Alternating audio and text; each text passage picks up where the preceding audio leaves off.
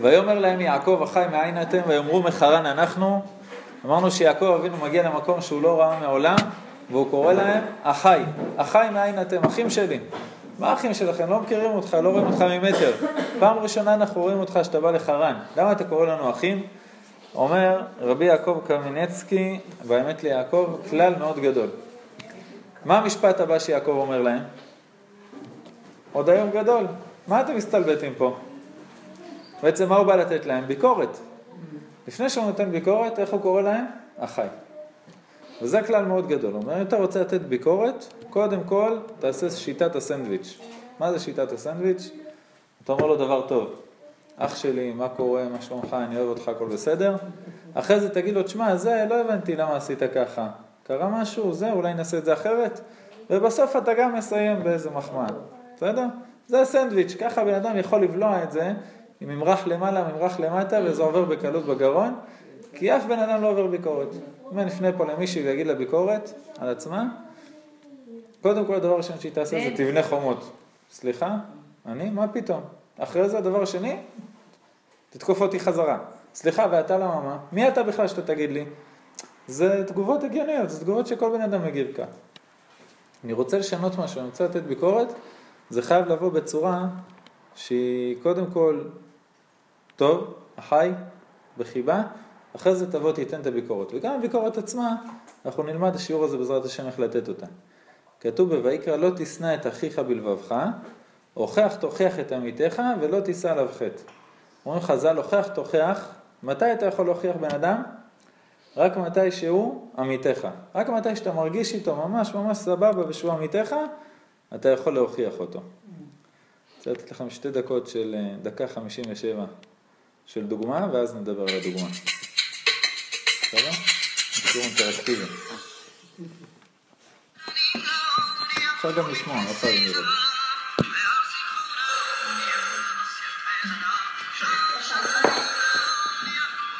סרטון. הלו, שלום, הגעתי למורה דלית? מדברת. את דלית? כן, מי זו? מי זו?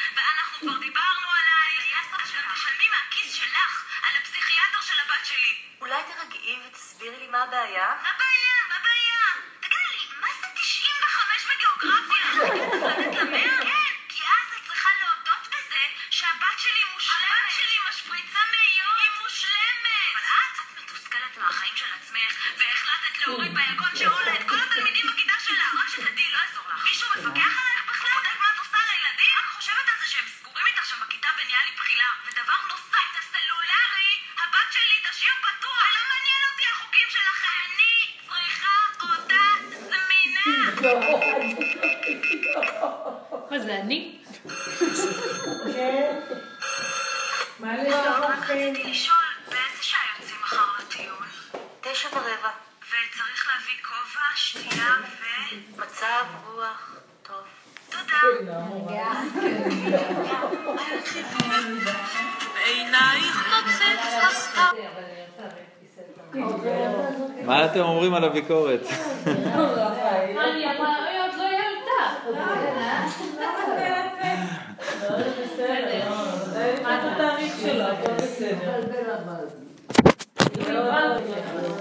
מה הסיכויים שהמורה תשפר משהו בהתנהגות שלה? במקרה הזה אין לה מה לשפר, אבל נגיד שזה באמת הייתה ביקורת שהיא נכונה, שהיא מוצדקת. מה הסיכויים שהמורה תשפר את ההתנהגות שלה אחרי ביקורת כזאת? שאלה שנייה, איך היא תתייחס לתלמידה הזאת למחרת? זה ברור, זה ממש מקרה קיצוני של ביקורת שהיא לא שייכת. הבעיה היא שפה זה מישהו שהוא חיצוני אלינו, זה סרטון שהוא מקצין את זה. הרבה פעמים יש בבית, גם עם הילדים וגם עם הבני זוג, כל מיני משפטים שהם לא פחות גרועים, הם לא מועילים, הם רק גורמים ל, ל, לריחוק, והם נאמרים לא בשביל לגרום לריחוק, הם נאמרים בשביל לקרב, בשביל ביקורת שבאמת שתקרב, אבל התוצאה היא אחרת. אה, אספתי כמה משפטים מהאינטרנט, סתם דוגמאות. כמה פעמים אפשר להגיד לך את אותו דבר? למה אתה עושה לי את זה? ילדים טובים לא מתנהגים ככה. אתה פשוט הורג אותי. את לא מתביישת לדבר ככה? אתה לא יכול להיות כמו אח שלך, הוא תמיד, שלוש נקודות. אתה אף פעם לא. כמה אפשר להיות מטומטם? תראי איך את אוכלת, זה פשוט מגעיל. ממי למדת להתנהג ככה? כל מיני משפטים כאלה, שנשים מכשיר הקלטה בבית, שפוי ונורמלי, ובבית של אנשים טובים שרוצים לחנך את הילדים שלהם בסדר, אז זה כל הלחץ והעבודה והבלגן וילדים מומחים ללחוץ לך על הנקודות הכי רגישות שלך, יש, יש את המשפטים האלה באוויר. למה אנחנו נותנים ביקורת בעצם?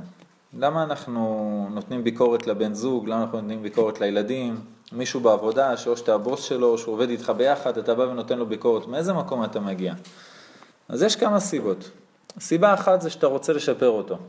לשדרג אותו לגרסה שיותר תתאים לך. לא מתאים לך איך שהילד מתנהג, לא מתאים לך איך שהבן זוג מתנהג, לא נוח לך, הוא עושה משהו שלא מתאים, אני רוצה שיתנהג יותר טוב, סיבה אחת. סיבה שנייה זה תחושה של התנשאות. אני יותר טוב ממך, למה אתה מתנהג ככה, איך אתה מעז לך להתנהג ככה, למה אתה לא לומד ממני, אני מושלם, וכולי וכולי. בדרך כלל התחושה הזאת של העליונות, של ההתנשאות, זה מגיע מאנשים בלי ביטחון עצמי.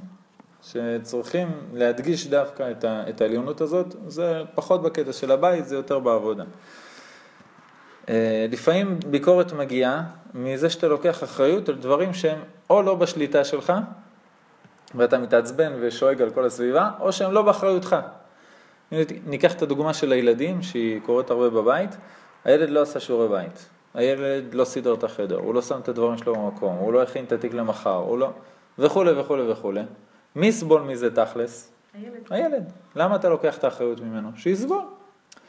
אם הילד עכשיו מקבל על זה ביקורת, אז עכשיו הוא בעצם אה, אומר, אז זה לא בידיים שלי.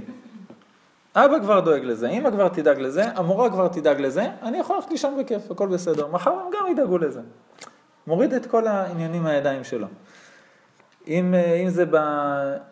אצל הבן זוג או אצל הבת זוג, דברים שהם באחריותו או באחריותה, ואתה בא ונותן לו על זה ביקורת, סוג של ביקורת מסוים, אתה בעצם אומר לו, אני פה בשליטה, גם אם אתה תשכח, אני אהיה פה להזכיר לך והכל בסדר, ואז הבן זוג שבוע אחרי זה, יהיה לו אחריות עוד פחות. למה? הוא יודע שיש עוד רשת ביטחון, לא יקרה כלום. אם אני אשכח את הילד באוטו, אז אשתי תזכיר לי. אני אשכח להוציא את הילד מהגן, אז הגננת אה, יזכירו לי. בעצם זה גורם להוריד את האחריות מהבן אדם. אה, שק אגרוף, זה גם סוג של ביקורת. זה הופך את הילד לשק אגרוף, או את הבן זוג, את הבת זוג, הגעת מהעבודה, עברת יום מאוד קשה, צריך לפרוק את זה על מישהו. בשביל מה התחתנתי? בשביל מה יש לי ילדים? הדבר הכי קטן שהוא עושה, אתה מוריד עליו את כל העצבים שהיו בעבודה. אה, יש לפעמים שזה מגיע מראייה שלילית של החצי כוס הריקה, יש לפעמים שזה בגלל פרפקציוניזם, שהבן אדם מצפה מעצמו אה, דרישות מאוד מאוד גבוהות, אז כל האחרים שלא עומדים בדרישות האלה, אז הוא יורה עליהם ביקורת לכל הכיוונים. לפעמים זה דברים שהאבא או האמא ניסו לעשות בעצמם ולא הצליחו, אז הם נכנסים בילד בלי ברקסים, אתה כן תצליח, ומכריחים אותו לעשות דברים שהוא, לא, שהוא ממש לא שמה, זה לא קשור אליו. ולפעמים זה הקלטה שמתנגנת אצלנו מאיך שאנחנו גדלנו אצל ההורים. כל מיני משפטים שאתה פתאום, אתה שם לב שאתה אומר את זה לילדים, ואתה אומר, רגע, זה, זה, זה מההורים, את זה שמעתי כל הזמן מאבא, ואתה אומר את זה אוטומטית ישר, זה, זה תקליט שמתנגן בך. אם תסתכלו, כל הסיבות האלה קשורות אליך. באמת, הן לא קשורות למי שמקבל את הביקורת. אתה רוצה שהוא ישתפר, שהוא יחיה יותר נוח, שהדברים שמפריעים לך יפסיקו, דברים שקשורים לעצבים שלך שאתה מוריד עליו, גם, הכל דברים, זה קשור לתכונות שלך שאתה צריך לשפר, דברים שלך לא נוחים, ואתה זורק את הכל עליו החוצה. זה הדרך טיפול הכי נוחה. לא הכי טובה, היא הכי הרסנית, אבל היא הכי נוחה. ככה אני לא צריך לשנות כלום. אני מתאים את כל מי שמסביבי לעצמי, ואני נשאר באותו מקום בלי לשנות שום דבר. מה יוצא מביקורת כזאת בסופו של דבר? הרבה ביקורת לכל בן אדם, לא רק לילד. אצל ילד יש לו נשמה כל כך עדינה שזה הרבה יותר הרסני. אבל הרבה ביקורת בכל מצב, במפעל, בעבודה, בבני זוג או בילדים, גורם לייאוש. אתה לא טוב, זה לא טוב, וזה לא טוב, וזה לא בסדר, ולמה עשית, הילד מתייאש מעצמו. ילד לא יודע להפריד בין המעשה לבין מי שעושה אותו. אז אם המעשה, אתה אומר לו, זה דפוק, הציור הזה מכוער, אז זה, זה, הוא ישר מקבל את זה כאילו אמרת את זה על עצמו. מבוגר יודע להפריד, טוב, אבל עשיתי עוד דברים טובים בחיים. אז זה יצא לא בסדר, נגיד שזה באמת לא בסדר. אבל אני בן אדם טוב, אני מחר אצליח יותר. אם הרבה פעמים ניתן לו ביקורת הרבה, גם זה ירד לו, גם האופטימית הזאת תלך לאיבוד. אבל ילד זה מאוד מאוד עדין. ואם נותנים עוד יותר ביקורת, אז אחרי הייאוש גם הוא מבין שלא אוהבים אותו. כי אם אתה אוהב מישהו, אז הרוב פשעים תכסה אהבה. למה אהבה לא מכסה על כל מה שאני עושה? הוא מבין שבנשמה, הוא מבין שהוא גדל אה, עם חוסר מאוד מאוד גדול של אהבה. אז קודם כל, בשביל אה, לעבור לצורה של ביקורת שהיא חיובית, או לצמצם את הביקורת השלילית, צריך להיות מודע. מודע לתוצאות ההרסניות, לתוצאות הלא טובות של ביקורת. זה הדבר הכי חשוב, המודעות הזאת. כי אם נשים בבית מצלמות, ונדע שמישהו מסתכל עלינו, אנחנו לא נתנהג אותו דבר. למה? כי פתאום יש לך מודעות. העין רואה והיד רושמת וכל מה לך בספר נכתבים, פתאום זה אחרת. היום תפסתי את עצמי בכיתה, אמרתי, אם היה פה, אם המנהל היה שם מצלמות בכיתה, סתם דמיינתי בהפסקה ישר דמיינתי איך השיעור היה נראה. זה היה נראה אחרת לגמרי. לא בקטע של, טוב, אז אני אפסיק להרביץ לתלמידים. בקטע של ההשקעה, של התשומת לב, של הפרטים, של הסדר בכיתה, של הלנקות קודם לפני שאתה מתחיל שיעור, אה, זה נראה אחרת לגמרי. אז זה מודעות. אם זה נכון, מה זה משנה המצלמה? תעשה את זה כי זה נכון. סתם, אם הביקורת היא הרסנית, אז למה אתה נותן את הביקורת? כי אין לי מודעות. הוא אומר, אז תחשוב, כאילו חז... עכשיו מישהו מסתכל עליך. היית מתייחס לילד אותו דבר? לא. תשימו לב, כשיש בן זוג בבית, אז הצעקה הראשונה על הילד זה על מה שהוא עשה. הצעקה השנייה על הילד זה בעצם הסבר לבן זוג למה צעקתי עליו. תשימו לב, זה, זה מאוד מעניין. הדבר השני זה אה, לחפש את הנקודות זכות אצל הילד. אם אתה מנסה להבין את הצד של הילד, כל הסיטואציה נראית אחרת לגמרי. הרבה פעמים הילד אה, מקבל צעקה, הבן זוג אה, מקבל אה, עכשיו ביקורת, הבן אדם שאיתך בעבודה שציפית שהוא יגיע בשמונה ויעשה, יתחיל איתך את הפרויקט, הגיע בתשע. לפני שאתה צועק עליו, תנסה לברר מה קרה, תנסה למצוא את הצד זכות. היה מחנך, זה סיפור שחיים ולדר מספר, מחנך אחד שהגיע לכיתה באיחור, עכשיו איחור מאוד משמעותי, וילד עומד ליד הדלת של הכיתה ומצביע לו ככה על השעון. הילד הזה חטף סטירה במקום, בסדר? וזה היה לפני ההוראות כנראה של משרד החינוך. בערב הוא מקבל טלפון מהאימא. היא אומרת לו, אני רק רוצה שתדע. בסדר, כנראה אימא מאוד אה, רגועה. אני רק רוצה שתדע ש... אני בכיתה ב' למדתי בתלמוד תורה בטבריה, שהיו מרביצים חופשי. מכות, היו שוברים מקלות על, ה... על הילדים. אולי בגלל זה יצאתי קצת צרוט.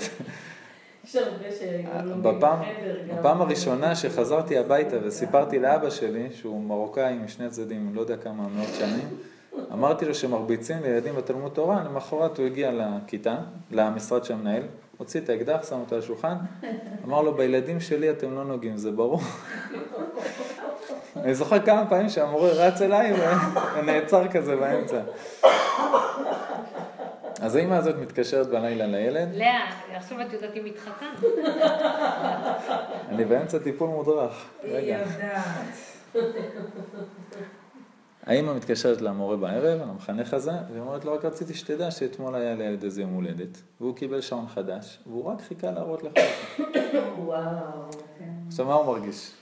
אתה יודע, זה דבר מאוד גדול. אה, הייתה ילדה, סיפור שיש לי במחשב, אני לא יודע מה המקור שלו. שהוא איחר בגלל סיבה מסוימת, בגלל שעון. הייתה אימא אחת שהגיעה הביתה, אחרי כמה שעות שהיא לא הייתה בבית, והיא מוצאת נייר עטיפה מאוד מאוד יקר, שעלה לה מאות שקלים, מפוזר הכל הסלון, קרוע, גזור, הכל.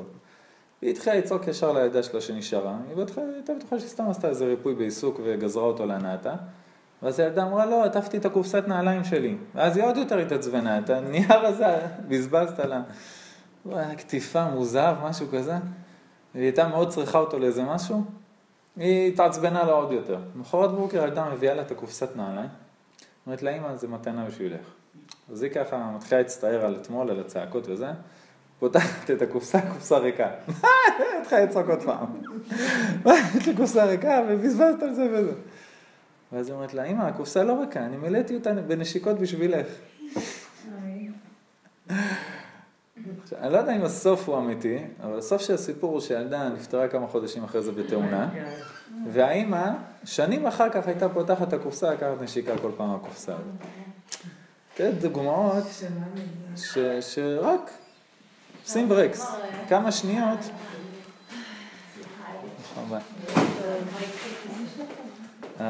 איפה? לא, למה? הרגת אותנו בסיפור. כן? כמו סרט טורקי אתה. אני היום, מה זה? לאה, שלחתי לך תמונה בוואטסאפ. טבלה כזאת, תשלחי אותה לכולם, בסדר? אה, הכמה שניות של לברר מה קרה, לשים את הברקס ובאמת לשמוע את העדויות משני הצדדים, חוסך המון המון המון בלגן וסבל וכאב נפשי אחרי זה, ויכול להיות גם לעתיד של הילדים. יש, אי אפשר בלי ביקורת. כל מי שנשוי, כל מי שיש לו ילדים, כל מי שעובד בעבודה עם מישהו, אי אפשר בלי ביקורת. תמיד צריך להגיד לבן אדם השני, תשמע, אתה עושה משהו לא טוב, צריך לעורר אותו.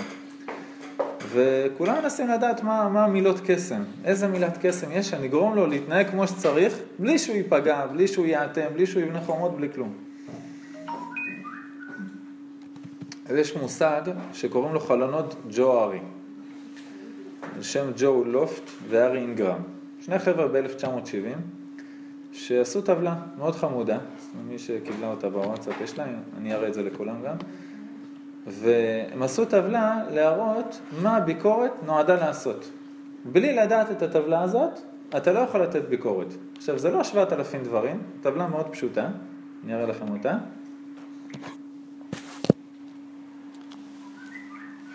פה זה בטח מטושטש לחלק, אז מי שיש לו בפלאפון שיסתכל.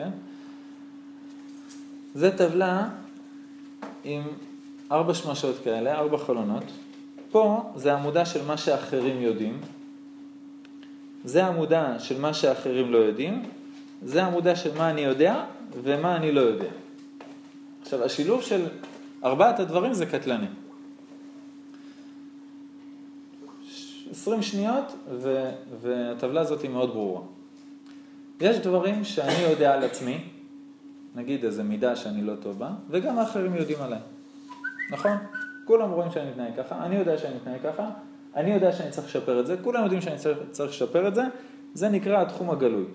זה גם אחרים יודעים וגם אני יודע, בסדר? יש לי מה לעשות עם ביקורת בנקודה הזאת? לא. הבן אדם יודע, מה יעזור לי להגיד לו את זה? זה לא חדש לו. אני יכול לשבת איתו ולדבר איתו איך מתקדמים הלאה. אבל ביקורת, להגיד לו, אתה לא טוב בזה, זה מיותר, זה סתם יבוא מעצבים וסתם יעשה אווירה רעה בין שניכם. אז אם הוא כבר יודע את הביקורת, כבר אין לך מה להגיד. בסדר? דבר ראשון. דבר שני, זה שאני יודע, אבל האחרים לא יודעים. זה התחום של הסוד. מה זה הסוד? זה אצלי, זה בסוד. אני יודע שיש לי בעיה בזה, האחרים לא יודעים. אני בא לתת בין, לבן אדם ביקורת באיזה תחום מסוים. אני יכול לתת לו ביקורת על משהו שאני לא יודע? לא. אז גם התחום הזה, אין לי מה לתת ביקורת. אם זה תכונות שרק הוא יודע שהוא לא טוב בהן, או רק דברים שרק הוא עשה, אם הוא ירצה לשתף אותי, הוא ישתף אותי, אם לא, אז לא. ביקורת גם לא קשורה לתחום הזה. התחום השלישי זה שאני לא יודע, רואים את העמודה שאני לא יודע, אבל אחרים כן יודעים. זה נקרא התחום הנסתר. יש לפעמים דברים כאלה בחברה מסוימת, שכולם יודעים על בן אדם מסוים שהוא מתנהג בצורה מסוימת, אני לא רוצה לתת דוגמאות, אבל אף אחד לא יבוא ויגיד לו את זה. או חוסר נעימות, או בגלל שזה הבוס, או בגלל שהוא ייפגע, או כל מיני סיבות, או פדיחות, או סתם חברה אכזרית. תשאיר את זה ככה שנוכל לצחוק עליו כל הזמן בקפיטריה. זה התחום שנקרא או נסתר פה או עיוורון. זאת אומרת שהבן אדם עיוור להתנהגות שלו. עוד שנייה נחזור לחלון הזה. והחלון הרביעי, אני לא יודע ואחרים לא יודעים. בסדר, זה התחום הלא ידוע, התת מודע, אני בעצמי לא מודע לזה, גם האחרים לא מודעים לזה, גם שם אין לנו מה להתעסק. כל ההתעסקות שלנו במקום הזה זה עם פסיכולוגים, עם תפילה, עם אמונה. תת מודע זה דבר שאני בא לתת ביקורת לבן אדם, אני לא אגיע לתת מודע שלו, אין לי מושג מה קורה שם, צריך שעה עם היפנוזה בשביל להגיע לשם. אז מה זה ביקורת? מה, מה, איפה אני מגיע למקום של ביקורת? בחלון הזה. שהבן אדם לא מודע להתנהגות שלו, וכל האחרים כן מודעים לסביבה. וצריך מישהו או אמיץ, או בעל סמכות, המנהל שלו, המפקד שלו, הבן זוג, האבא, האימא, או בן אדם חבר מאוד טוב, שאומר לו, תשמע, ככה וככה וככה, עם הכללים הנכונים שאנחנו נראה איך לעשות את זה, עם הכלים הנכונים, הוא יכול להוציא לו את המקום הזה מהעיוורון למקום הגלוי. ואז הוא יכול לטפל, ואז הוא יכול לשנות את ההתנהגות, ואז יש עם מי לדבר. בסדר? עכשיו אתה בא לתת ביקורת למישהו, אתה צריך לשאול את עצמך באיזה חלון זה נמצא. אם הוא כבר יודע את זה, או שזה בתת מודע, או שאני לא יודע, או זה משהו, אז בשביל מה כל השיחה הזאת מתקיימת? אתה סתם מבזבז אנרגיה והוא יאטם וכלום. רק דברים שהוא לא מודע אליהם, ובסביבה כן רואים אותם, אני עכשיו בא ומנסה להעביר את זה למקום שהוא כן יהיה מודע. מה יקרה אם אני אבוא ואני אגיד לו, תשמע אחי, אתה דפוק ב-1, 2, 3, 4. הוא ישתפר? אז בשביל לתקן את זה, שזה יעבור מהעיוורון לגלוי, אני צריך שהוא בעצמו יוציא את זה. זה קוראים לזה תהליך של למידה עצמית. איך אני גורם למשהו, למישהו להיות מודע לדבר? אז יש שלושה שלבים. מודעות, תפיסה ויישום. זה גם נמצא בתמונה למטה. לא חייבים לזכור את זה, רק להבין פעם אחת את הרעיון הכללי, וזה דבר שהוא מאוד ברור. מה זה מודעות? אני בא אליו ואני אומר לו, אתה שמת לב שקרה ככה וככה? זאת אומרת, קודם כל שיהיה מודע לדבר, אמרנו שזה בתחום של העיוור.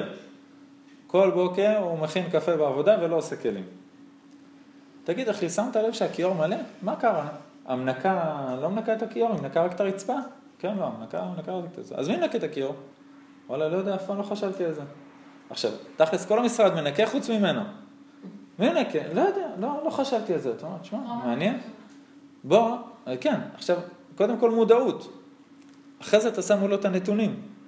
שיהיה מודע לאיך הוא מתנהג, למה קורה, מול הנתונים. אתה אומר לו, תשמע, אתה יודע שיש איזו טבלה של תורנות? זאת אומרת, השם שישי כתוב את השם שלך שאתה אמור לנקות את הכיור? סתם זרקתי דוגמה. לא ידעתי, כן ידעתי, לא שמתי לב, אין לי זמן. אבל הוא מודע. עכשיו הוא מודע. אחרי זה יש את התפיסה, תהליך של התפיסה. מה זה התפיסה? איך הוא תופס את הדבר הזה? זה חשוב לו? הוא מבין בכלל? אתה יכול לתת דוגמה ממקום אחר? אני לו, תשמע, בבית שלך, מי מנקה את הכיור, אתם משאירים אותו בלילה מלוכלך, שבוע, יש ערימות, מה קורה שם? לא, לפעמים אני, לפעמים אשתי. ומי עושה את זה בעבודה? תפיסתית, זה חשוב, חשוב, כן. הוא אומר לך זה לא חשוב, אתה אומר לו מחר בבוקר אתה תבוא להכין קפה, אתה תרצה שיהיה לך כוס נקייה? כן. אז זה חשוב. מתחיל לשנות לו את התפיסה. הוא מודע, אם היית בא אליו ואומר לו, תגיד, אתה רוצה כוס נקייה בקיר, להכין אה, כוס קפה מחר? כן, אז למה אתה לא מנקה? אין פה תהליך של למידה עצמית, אין פה את התהליך של מודעות, אין פה את התהליך שהוא מביא את עצמו למקום שתפיסתית זה חשוב, זה רק התקפה, הוא יחזיר לי, סליחה, ואתה, מה אתה עושה שם בחדר השני? ולא יצא מזה שום דבר, לא יצא מזה שום דבר. אז קודם כל, את המודעות, אני קולט שהוא מודע לנתונים ולאיך שהוא מתנהג, מבחוץ, כאילו אני משקף לו את עצמו, אחרי זה אני עובר לתפיסה, למה זה חשוב, ואחרי זה השלב השלישי זה יישום.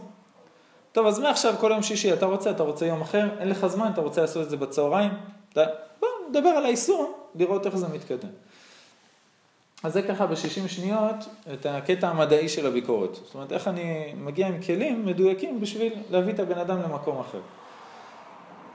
בקטע הרגשי, דגשים שאני בא עכשיו לתת ביקורת, ואני רוצה שהיא תהיה נעימה, שהוא יצליח לעכל אותה, שהיא תהיה אה, יעילה, שהיא באמת תוביל לשינוי ולא למריבות.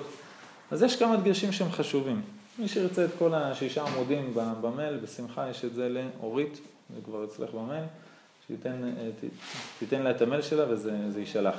אבל בכללי, אפילו ניקח דבר אחד, שניים, שלוש מכל הדברים, זה כבר עושה אווירה אחרת.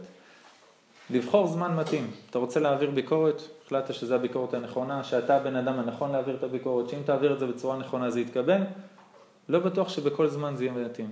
לא בטוח שאם הבן אדם עכשיו חזר מהעבודה, נכנס הביתה, זורק את התיק ובוהה בתקרה, זה הזמן להנחית עליו את כל הביקורת של היום שאתה רוצה להעביר לו ושהוא לא היה. אולי אחרי האוכל יותר, אולי על כוס קפה, אולי אחרי שהילדים הלכו לישון, זמן, זמן מתאים, לחשוב על זמן מתאים, לחשוב על מיקום, שהוא נוח, שהוא שקט, בלי הפרעות, בלי כלום, בלי טלפונים שמתחילים כל שנייה לזה, שזה דבר מאוד חשוב. כתוב על משה רבנו, וירא משה את כל המלאכה, והנה עשו אותה כאשר ציווה השם, כן עשו. ויברך אותה משה. זה במילים של התורה, פידבק. בא משה רבנו מסתכל, אומר ככה השם ציווה, ככה אתם עשיתם, מגיע לכם פידבק חיובי. וזה ההתחלה של הביקורת. כשאתה בא מתחיל עם בן אדם, אתה אומר לו פידבק חיובי, כמו שאמרנו, אחי מאין אתם, מה קורה? אני מדבר איתם, חברים, הכל בסדר, טוב, תגידו למה הפסקתם לעבוד, עוד היום גדול. זה בדיוק מה שמשה רבנו ויעקב אבינו עושים. פידבקים חיוביים. אתה אומר לו, תשמע, אני ראיתי אותך בזה, ואתה מושלם, בזה אתה תותח, בזה אתה הכי טוב, בזה, בזה, הרבה פידבקים חיוביים. תשמע, מבן אדם כמוך, שהוא אחד התותחים שאני מכיר, אה, אני מצפה ליותר אחריות בנושא הזה והזה. כי זה מוזר לי, בכל שאר הדברים אתה תותח. כנראה שזה לא שמת לב. מה אנחנו עושים עם הדבר הזה? איך משפרים אותו? שהבן אדם יתנפח, יתנפח, יתנפח. לא משקרים. לא חסר לכל בן אדם הרבה נקודות שאתה יכול לתת לו נקודות טובות ו... ולנפח אותו בצורה שהיא אמיתית, שמגיעה לו, תשקף לו את, ה... את התכונות הטובות שלו. ואז אחרי זה, אחרי הפידבק החיובי, אתה יכול להגיד לו. ככה יש לבן אדם תחושת ביטחון, ויכול לבוא ביטחון לשינוי עצמי. מאוד מאוד חשוב, אם אתה נותן ביקורת, להגיד דברים שהם עובדות, לא השערות. באמת, מה באמת קרה. ולא, נראה לי שאתה מתנהג ככה גם שמה, לא רק פה. אתה נראה לי הזה, זה רק אומר שלבן אדם שיש לך חוות דעת מאוד שלילית עליו בכל מקום שהוא נמצא, ו... והוא בטח שלא יקבל ממך את זה. יש לפעמים ש... שהביקורת מגיעה בצורה מרומזת, בצורה עקיפה. מאוד מאוד חשוב שזה יהיה פשוט. יש אמרה של גנרל פטון האמריקאי, מלחמת העולם השנייה, מה שלא יהיה פשוט, פשוט לא יהיה. מאוד נכון. מאוד נכון, מאוד מאוד נכון. במיוחד בביקורת. אם אתה בא לבן אדם ואתה ככה אומר לו בצורה עקיפה, בסדר? שמתי לב שאתמול שמה לא היה כזה מדויק מה שעשית. אז תגיד לבן אדם, תשמע, פה ופה לא היה בסדר, אל תתחיל סיפורים ופה ושם וקריצות עין ו- וכל מיני רמיזות כאלה ואחרות. זה סתם מעצבן את הבן אדם כי הוא יוצא מהשיחה, הוא אומר, רגע, אני לא בטוח מה הוא רצה שאני אתקן ולמה, ומי הוא בכלל. הנקודה הזאת פשוטה, זה. לדבר רק על דברים שהם ברי תיקון. זאת אומרת, אם הבן אדם לא יכול לתקן את זה, אז, אז למה אתה אומר לו את זה? להת, להתנסה עליו? לעצבן אותו? להעציב אותו? לא, למה אמרת לו את הביקורת הזאת? סתם לצורך העניין, לוקח דוגמה מחיים, מהחיים שלנו. אה, סתם נזרוק דוגמה מהתחום של בית הכנסת. בעלך לא רוצה איך להתפלל, בסדר? או שהוא לא רוצה והוא יכול, או שהוא לא רוצה והוא גם לא יכול. אם הוא רוצה מאוד והוא לא יכול, וכל בוקר תגידי לו, מה זה, אתה חילוני, עם מי התחתנתי, מי אתה בכלל, מה זה, יש לי בעל גוי, לא שומר שבת, לא זה. אני אומר דברים ששמעתי מאחת השכנות, נפלה עליי על בעלה. הוא זה, ביום כיפור הוא עושה ככה וככה וככה, והוא מסכן, הוא שומע את זה גם הרבה. עכשיו, יש דברים שהוא לא יכול, אז מה אתה רוצה ממנו? כאילו, זה סתם יבין מריבה, הוא לא יכול לתקן את זה, ומשם תגיעו רק למקום מאוד מאוד לא טוב. עכשיו, אם זה דבר שהוא יכול, אז בסדר, אז בוא נדבר, נראה את הזמן המתאים, בצורה הנכונה, עם הרבה פידבקים, עם הרבה אהבה, ונראה איך לקדם אותו ולעודד אותו. אבל אם הוא לא יכול, אז מה זה יעזור? לפעמים אתה אומר לילד אה, משהו על הסדר והניקיון, על המערכת, על השיעורי בית, על המבחנים, הכל. עכשיו, האמת, האמת, שאם היית יושב ככה, משקיע איזה שעה, שעתיים, חושב על הילד, על מה מתאים לו, איזה תכונות יש לו, איפה הוא היה לפני שנה, איפה הוא עכשיו, איזה קצב יכול להתקדם. יכול להיות שאת כל ההערות האלה היית חוסך. לא, הוא לא באמת יכול לשנות את זה ביום אחד. אולי נטפל בזה בדרך אחרת. הבעיה שזה תוך כדי היום-יום כל ההערות האלה נזרקות ו, וזה רק גורם לחולשה במקום לתיקון. הרמח"ל כותב דבר מאוד מדהים. הוא כותב שאם יש הרבה הרבה פרטים, הבן אדם ילך לאיבוד. הוא אומר, זה כמו לראות יער שלם מלא במבוכה. זאת אומרת, צמחים כאלה וכאלה וכאלה, והכל בלאגן. לעומת שאתה רואה גן מסודר עם כל הערוגות, כל הפרחים, יוצא איזו צורה כזאת יפה של סחלב מכל הערוגות. ואתה רואה את זה, אתה נהנה. מה, אתה יכול להביא כלל אחד, משהו אחד, שכולל בתוכו הרבה פרטים, זה יהיה אחרת לגמרי.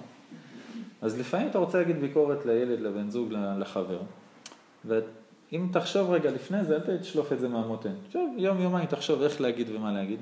אתה תראה שאתה רוצה לתת לו ביקורת על זה שהוא שכח, נגיד, לקחת משהו, הוא איחר להגיע למקום כלשהו, ושם הוא לא עשה את הדברים לגמרי. במקום להגיד לו, תשמע, יש לי שלושה דברים שמה זה עצבנת אותי השבוע, ואני הולך להיכנס בך עליהם, וזה וזה וזה, שלושתם, המחנה, המחנה המשותף שלהם זה חוסר אחריות. אז דבר איתו על החוסר אחריות. אל תדבר איתו על זה ועל זה ועל זה ועל זה. בסדר לפעמים שאתה תופס את הילד, ולמה לא עשית את זה, ולמה את זה, ולמה זה לא בסדר, ולמה...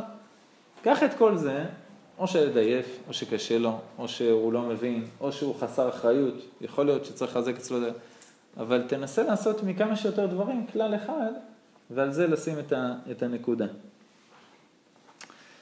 אה, מאוד מאוד חשוב, ככה הדבר האחרון, מאוד חשוב להתייחס להתנהגות של הבן אדם ולא לאישיות שלו. זה כלל ששמענו אותו, אני חושב, מיליון פעם, אבל הוא עדיין מאוד מאוד קשה. כשאתה בא לדבר עם הילד או עם מישהו אחר שמעצבן אותך, אתה עצלן, אתה טיפש, אתה חסר אחריות.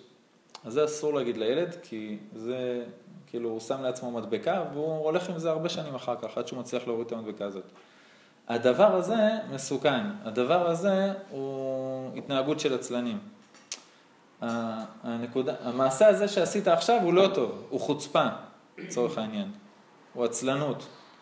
ואז הוא לא, הוא לא לוקח את זה על עצמו, הוא יודע שהמעשה לא טוב. ואז פעם הבאה שהוא יגיע למקום הזה, הוא אומר, זה מעשה לא טוב, אני לא רוצה לעשות אותו. ולא חס וחלילה לשים מדבקה על הילד עצמו. אז זה עד כאן ככה הערות כאלה שהן אה, מאוד חשובות. בכוכבית, אני לא כל כך מדבר, באמת, השיעור הזה הוא לא כל כך נועד לכל מיני הערות שנזרקות בבית.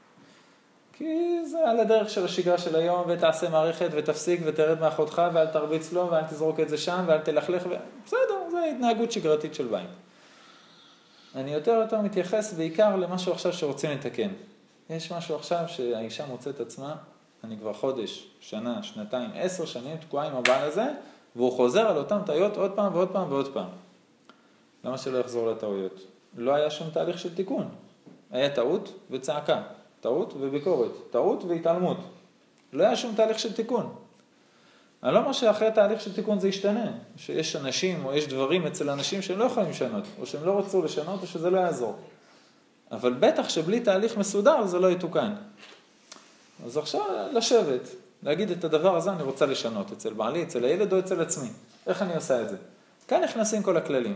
זמן, מקום, צורה, עם סנדוויץ', לדבר ככה, לדבר לתכונה, להעביר אותו מהעיוורון לגלוי.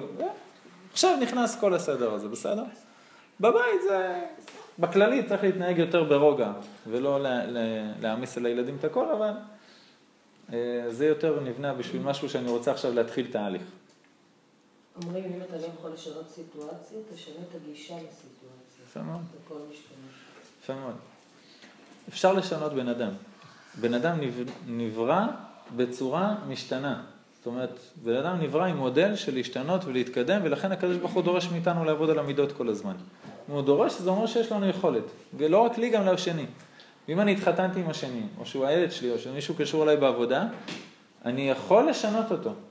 רק איך? בסדר? אני יכול לגרום לו להשתנות, רק השאלה באיזה צורה. וזה מה שאנחנו מדברים היום. יש אפקט שהוא מדהים, מדהים, מדהים, מדהים, והוא ממש עובד כמו קסם. קוראים לזה אפקט העצמה. שאם אתה מעצים בן אדם, ואתה מראה לו שהוא הרבה הרבה יותר ממה שהוא, בסוף הוא יגיע לשם. הוא יאמין לך ויגיע לשם. זה דבר שהוא אדיר, כשאתה רוצה להעביר ביקורת, ואתה רוצה שהבן אדם, נגיד בן אדם שהוא חסר אחריות לחלוטין, ייקח אחריות על עצמו ויתחיל לעשות דברים, אתה, אני זורק, אני מתפרע בדוגמה, המנכ"ל של המפעל מכנס את כל העובדים, נותן לו תעודה, תעודת הצטיינות על אחריות, העובד הכי אחראי במחלקה. איך הוא יתנהג שבוע אחרי זה? זה אפקט העצמה. עכשיו, הבן אדם סמרטוט, איזה אחריות, על מה אתה מדבר? אני נותן לו את המפתחות, הם, אה, אני יודע שאני לא אראה אותם יותר. הרב, אה, לא, הרב, אה, הרב יעקובסון, יש לו ספרים מאוד יפים גם על זוגיות, גם על חינוך הבית, חינוך ילדים. הוא מספר שהוא הגיע למוסד, שאחד הילדים שם היה גנב ברמות כאילו הכי עמוקות.